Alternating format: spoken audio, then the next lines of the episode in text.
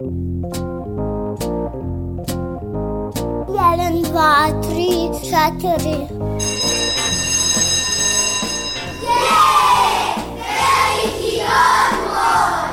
Emisija o obrazovanju i vaspitanju. E, Kad neka vaspitačica kaže da je veliki odmor, onda nešto radite. Jedeš, treniraš, skačeš, julješ se, eto, i tako. Vi slušate veliki odmor. Veliki odmor.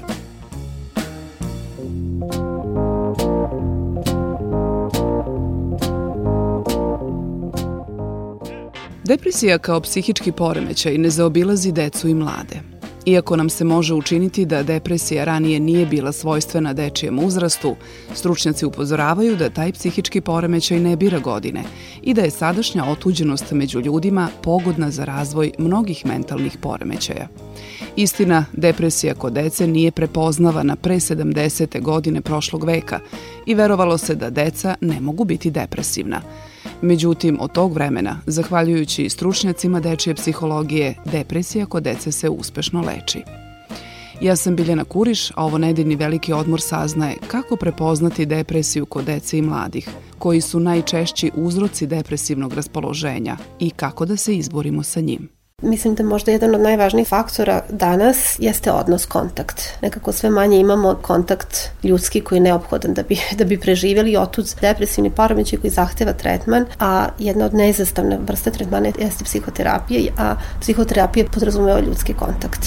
Odrastanje ne mora da boli ukoliko se bavimo sobom i svojim potencijalima i ukoliko razgovaramo, poruka je dvoje maturanata medicinske škole 7. april u Novom Sadu. Odrasla sam u takvoj porodici da smo svi otvoreni i uvek razgovaramo.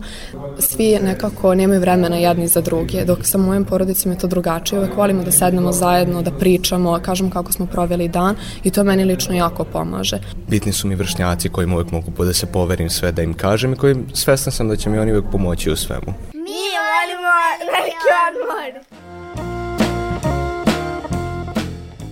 Prema ocenama stručnjaka, oko 7% dece koja imaju hronične glavobolje ili nespecifične telesne simptome zapravo pati od depresije. Takođe, ukoliko je njihovo ponašanje iritantno, odnosno nezadovoljstvo pokazuju besom ili pokazuju neobičajenu lenjost, može se pretpostaviti da su depresivnog ponašanja, objašnjava dečiji psihijatar i psihoterapeut Jasminka Marković. To su, kako kaže, netipični simptomi koji se ne prepoznaju kao simptomi depresije kod dece. Neraspoloženje, smanjeno interesovanje i gubitak zadovoljstva u svakodnevnim aktivnostima, gubitak energije i lako zamaranje koje inače prepoznajemo kod odraslih koji pate od depresije jesu svojstveni i kod dece i mladih. Međutim, reakcije roditelja u tim fazama izostaju – najčešće nažalost reaguju kada njihovo dete popusti u školskim zadacima. O uzrocima depresije kod dece u razgovoru sa dečijim psihijatrom Jasminko Marković. Šta je u osnovi razlog depresivnog stanja kod dece. Da, bilo bi sjajno kad bi postao jedan razlog i kad bi mogli na taj razlog da utičemo. Ono što je nekako, kao i kod većine problema mentalnog zdravlja, uzroci su mnogobrojni. Najčešći rizični faktor jeste genetika. Ako jedan od roditelja boluje depresivnog poremeća, to dete je u tri put većem riziku nego dete iz opšte populacije da ima sličan problem. Potom postoje biološke teorije, znači to su promene u hemijskoj ili nekoj strukturi mozga da su mozak dece koje su depresivne drugačije funkcioniše nego kod dece koje nemaju ovu vrstu problema i tu postoje brojne biološke teorije kako reagujemo na stres, kako lučimo određenu vrstu hormona. I treći faktor jesu socijalni ili psihološki faktori, to je nekako i način na koji živimo i uticaj sredine i ultimatum da moramo da budemo popularni, nasmejani, stalno srećni i zadovoljni, to je za neku decu prevelik pritisak. I s druge strane, mislim da možda jedan od najvažnijih faktora danas, kada pričamo, jeste odnos, kontakt nekako sve manje imamo taj kontakt ljudski koji je neophodan da bi, da bi preživjeli i otud depresivni poremećaj koji zahteva tretman, a jedna od neizastavne vrste tretmana jeste psihoterapija, a psihoterapija podrazumeva ljudski kontakt. Baš sam čitala novije istraživanje gde su proučavali koliko su roditelji tinejdžera u kontaktu, koliko razgovaraju oči u oči sa svojim adolescentima. I po tom istraživanju rađeno u Americi, očevi provedu 3 minuta u razgovoru sa tinejdžerima, a majke 8 minuta kad razmišljamo na taj način koliko se vidimo i koliko imamo kontakt, sigurno ima veze i sa tim zašto su depresivni poremećaji u porastu i kod mladih i kod odraslih. Naravno, ako ćemo izuzeti genetiku uh mhm. -huh. ili biološke faktore koje ste spomenuli, uh mhm. -huh. koje su nekada bili na njih, ne možemo da utičemo mhm. uslovno, uh -huh. povećanje broja depresije upravo onda nalazimo u tom sociološkom, odnosno psihološkom Jeste. odnosu kad počnemo od tom, o tom ranom detinstvu i to su sad psihološke teorije, teorije vezivanja, koliko su majke posvećene deci, kako reagujemo na plač deteta, u kakvoj sredini dete odrasta, koliko smo posvećeni. Mi smo iz neke kulture kolektivizma ušli u kulturu individualizma i u tom nekom tranzitornom procesu su se mnoge stvari promenile, ostali smo nekim starim obrastima, prihvatamo neke nove i nekako i mi odrasli smo pogubljeni u tome, tek sigurno da te posledice osjećaju naša deca. Roditelji koji jure za poslom, za novcem, za materijalnim stvarima da pruže svojoj deci, zaboravljaju taj deo posvećenosti, koliko je važno za decu da budemo prisutni i kad smo prisutni da smo u nekom aktivnom kontaktu sa njima, a ne samo da smo tu. Kako utičemo na njihovo samopouzdanje, kako mi rešavamo odrasli konflikte, mi njima dajemo primer kako oni da rešavaju konflikte među jednakima, kako da se bore sa stresom i tu se pokazali istraživanja i praksa da te krajnosti, znači roditelji koji su preterano zaštitnički, da deca rastu efekat staklenog zvona i štite ih od svih vrsta stresora, imaju taj prioritet da deca moraju da budu srećna, što je nemoguće jer niko nije stalno srećan, i onda nekako deca tek sa polaskom u školu u stvari imaju neka osujećenja, neke stresore i oni jednostavno nemaju mehanizme, nemaju način kako da se sa tim suoče a s druge strane su roditelji koji su dezangažovani, koji nisu zainteresovani i vrlo često među tinejdžerima oni kažu kako su ti roditelji cool, sve im dozvoljavaju, mogu sve nekako to deca vide kao nešto što je super, a mi odrasli znamo da to nije dobro jer je to nekako nedostatak opet pažnje, nedostatak zainteresovanosti, nedostatak brige jer su jako važno postavljanje tih granica u adolescenciji naravno koje ne treba da budu rigidne, koje treba da budu, kako mi to kažemo, polupropustljive, ali moramo da budemo tu i moramo da im olakšamo prolazak kroz tu vrlo izazovnu fazu adolescencije. Na koji način pronaći odgovore?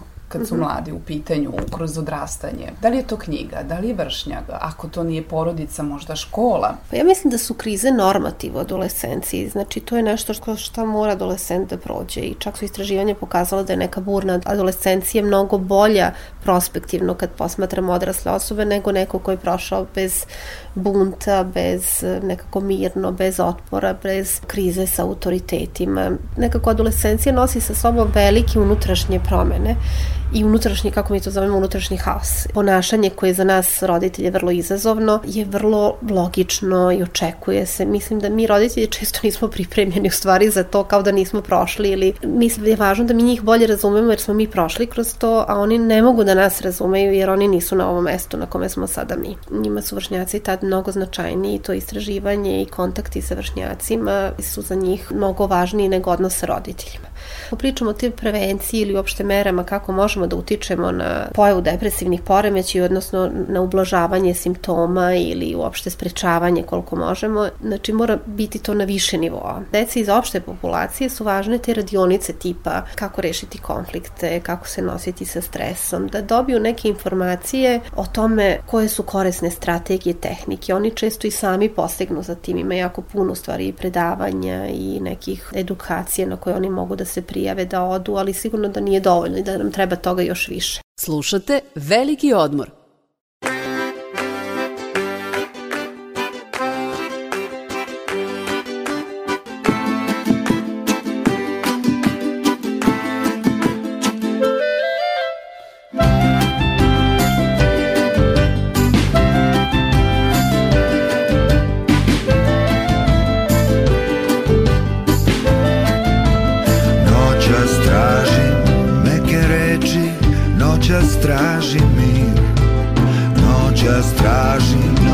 te reči Znaš ih samo ti. Reči koje nikad nećeš izgovoriti. One koje sad tu stoje Samo reci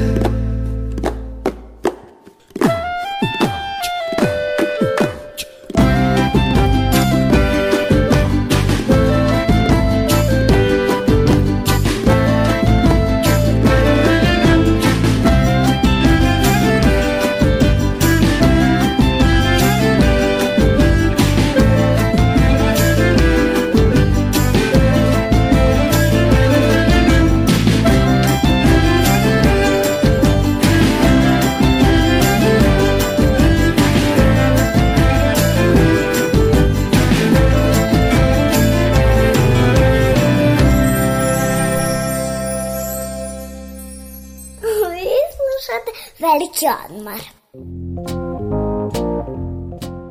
Da je briga o mentalnom zdravlju važna, potvrđuju i maturanti medicinske škole 7. april u Novom Sadu, Anastasija Zaharijević i Damjan Subotić, moji sledeći sagovornici. Oni svoje mentalno zdravlje ocenjuju sa jakom devetkom, dok svojim vršnjacima daju slabu šesticu. Tu razliku objašnjavaju tako što su u odnosu na vršnjake zreliji i odgovorniji i prema sebi i prema okolini – a u njihovom sazrevanju najznačajnije uloge imale su njihove porodice, škola i vršnjaci. Smatram da sam dosta sazrela, čak da sam sazrela pre vremena, da sam jako odgovorna osoba, zato što sam spremna pre svega da preispitam sebe i znam koga imam u svom okruženju i kome treba da se obratim, a sa druge strane moji vršnjaci to i ne rade. Mislim da se obraćaju na neki način pogrešnim osobama, u redu da se obraćamo društvu, svojim drugarima, ali nekad nemaju ljude od poverenja, pa možda nešto kažu i pogrešnoj osobi koja ne ume na pravi način da ih posavetuje, a mislim da je prava osoba u svakom trenutku majka ili tata, odnosno roditelji, koji će nas na pravi način uvek uputiti. Ja to lično radim zato smatram da sam na neki način mentalno zrelije od ostalih. To što je meni pomoglo da budem zreliji i odgovorniji, sama ova škola u kojoj se nalazim, pošto nas uvek tera da gledamo sa neke druge strane, uvek nas tera da gledamo kao odrasle osobe sve. I od uvek smo radili sa ljudima koji imaju neki, sad eto, neki psihički problem i onda tera nas da budemo odgovorni i da u stvari mislimo kao odrasli ljudi čak i od prve godine kad smo imali 14 godina. Takođe, bitni su mi vršnjaci kojim uvek mogu da se poverim sve da im kažem i koji svestan sam da će mi oni uvek pomoći u svemu. Nepoverenje i nedostatak saosećanja su glavna karakteristika današnjice. Zato moji mladi sagovornici ističu da je neophodno više međusobnih razgovora, da nije sramota biti iskren prema drugima i tražiti pomoć. Bitno je širiti svest i bitno ukloniti tu stigmu, da se bojite da će biti odbačeni od okoline. To koliko sam ja primetio u našoj školi nema toliko, jer od prve godine oni nas uče da ništa nije sramota, da sve možemo reći drugima i uvek je tu e, psiholog koji će popričati sa nama na hodniku ili na času, nije bitno. Psiholozi se uvek od nas trude da pričaju sa nama šta god da se dešava. koliko sam primetio u drugim školama, to mi baš nije tako. Naravno, razumem zbog čega, ali opet e, mislim da bi trebalo malo više biti tih predavanja i da se podigne svest jer povučenije su sebe i oni imaju samo te vršnjake kojima se poveravaju dok profesionalcima redko jako naši vršnjaci dosta preveličavaju svoje probleme. A u ovoj školi možemo da odemo na različite odeljenje da vidimo različite slučajeve, na primjer evo i na psihijatriji. Ja mislim da kada sve to sagledamo da treba da budu zahvalni zbog svog života, zbog onoga što imaju, a oni svaki problem pa i najmanje preveličavaju i smatraju da njihov život najgore. Mislim, to jeste karakteristično za ovo doba puberteta, ali mislim da stvarno treba da preispitaju sebe i pre svega da budu zahvalni zbog svega što imaju, to je pre svega zdravlje. Najveći problem kod mladih je odsustvo vrednosti svoje ličnosti i pritisak roditelja u izboru budućnosti deteta. A kada odbrana svojih stavova i želja popusti, tada se kod njih javljaju mentalni poremećaji, zaključuju Anastasija i Damjan, od kojih su najčešći depresija, anksioznost i poremećaj u ishrani, anoreksija i bulimija. Mislim da je depresija najčešća. Primetim i svoje vršnjake, eto kako sede, ćute, nemaju sigurnost ni u koga, da, se, da bilo kome šta kažu, da iznesu svoj problem. Sa druge strane, mislim da se čak i plaše da odu, da potraže nečiju pomoć i da, mislim da je stvarno depresija najčešća. Isto bih rekao, depresija i anksioznost e, dominiraju, a do ih lakših takođe i promena raspoloženja, stalno neki nervozni su konstantno, mislim. Mislim da ljudi danas nemaju da je glavno i nepoverenje. Društvo je postalo drugačije. Svi gledaju sebe, svoje interese, ne okreću se previše ka drugima. Mislim da je dosta njih nezadovoljno svojim izgledom. Mislim da tu estetsku stranu se stavljaju onako u prvi plan. Mislim da više nije bitno to kakve smo osobe, stvarno je jako bitan fizički izgled i primetila sam da isto dosta svojih vršnjaka, naročito devojčica, koji isto tako i pade čak i u depresiju zbog svog izgleda, menjaju sebe, svoje ponašanje, ljubavni problemi isto tako. Mislim da je to sad najizraženije u ovom periodu. A isto tako, pošto sad, na primjer, mi smo u ovom periodu kada treba da upišemo nešto, pritisak roditelja, na primjer. To je isto ono što jako smeta. Dekako ne mogu previše da se oslone na sebe, na svoje želje, na ono što njih interesuje i onda roditelji dodatno vrše pritisak, smatruju da oni znaju šta je bolje i da to isto remeti njihov mir. I na kraju razgovora dobila sam odgovor koji sam priželjkivala od početka. Zbog čega se ova dva srednjoškolca razlikuju od svojih vršnjaka? Šta ih je učinilo zrelijima i odgovornijima od svojih vršnjaka? Evo šta kažu. Ja imam lično iskustvo gde sam se preselila iz Kragujevca i to mi je stvarno teško palo, pogotovo prva školska godina ovde u srednjoj školi i nov grad, nikada ranije nisam bila u Novom Sadu, ali u tom trenutku sam se ja okrenula sebi i skupila sam nekako hrabrost, rekla sam mogu ja ovo i potrudila sam se, posvetila sam se učenju, htela sam da imam što bolji uspeh, a isto ono što mi je jako bilo bitno jeste da moji roditelji isto budu ponosni na mene i da vide da sam uspela, pošto su se naravno i oni brinuli i mislim da je to vrlo važan trenutak u mom životu. Naravno mi je bio taj problem odvajanja kuće jer sam uvek bio zajedno sa roditeljima, uvek smo 24 kroz 7 bili zajedno i onda u prvoj godini srednje škole naprosto sam se odvojio od njih. Mislim, nije to previše daleko, ali opet jeste meni i bilo mi je čudno, živim sam. Moram sam da se prilagodim na taj život novi, novo društvo, novi grad, sve mi je bilo drugačije i sada tokom godina sam se navikao i opet je mnogo lakše Ukoliko se bavimo sobom i svojim potencijalima, odrastanje ne mora da boli. Ako izostane podrška porodice, tu je škola, odnosno psihološko-pedagoška služba.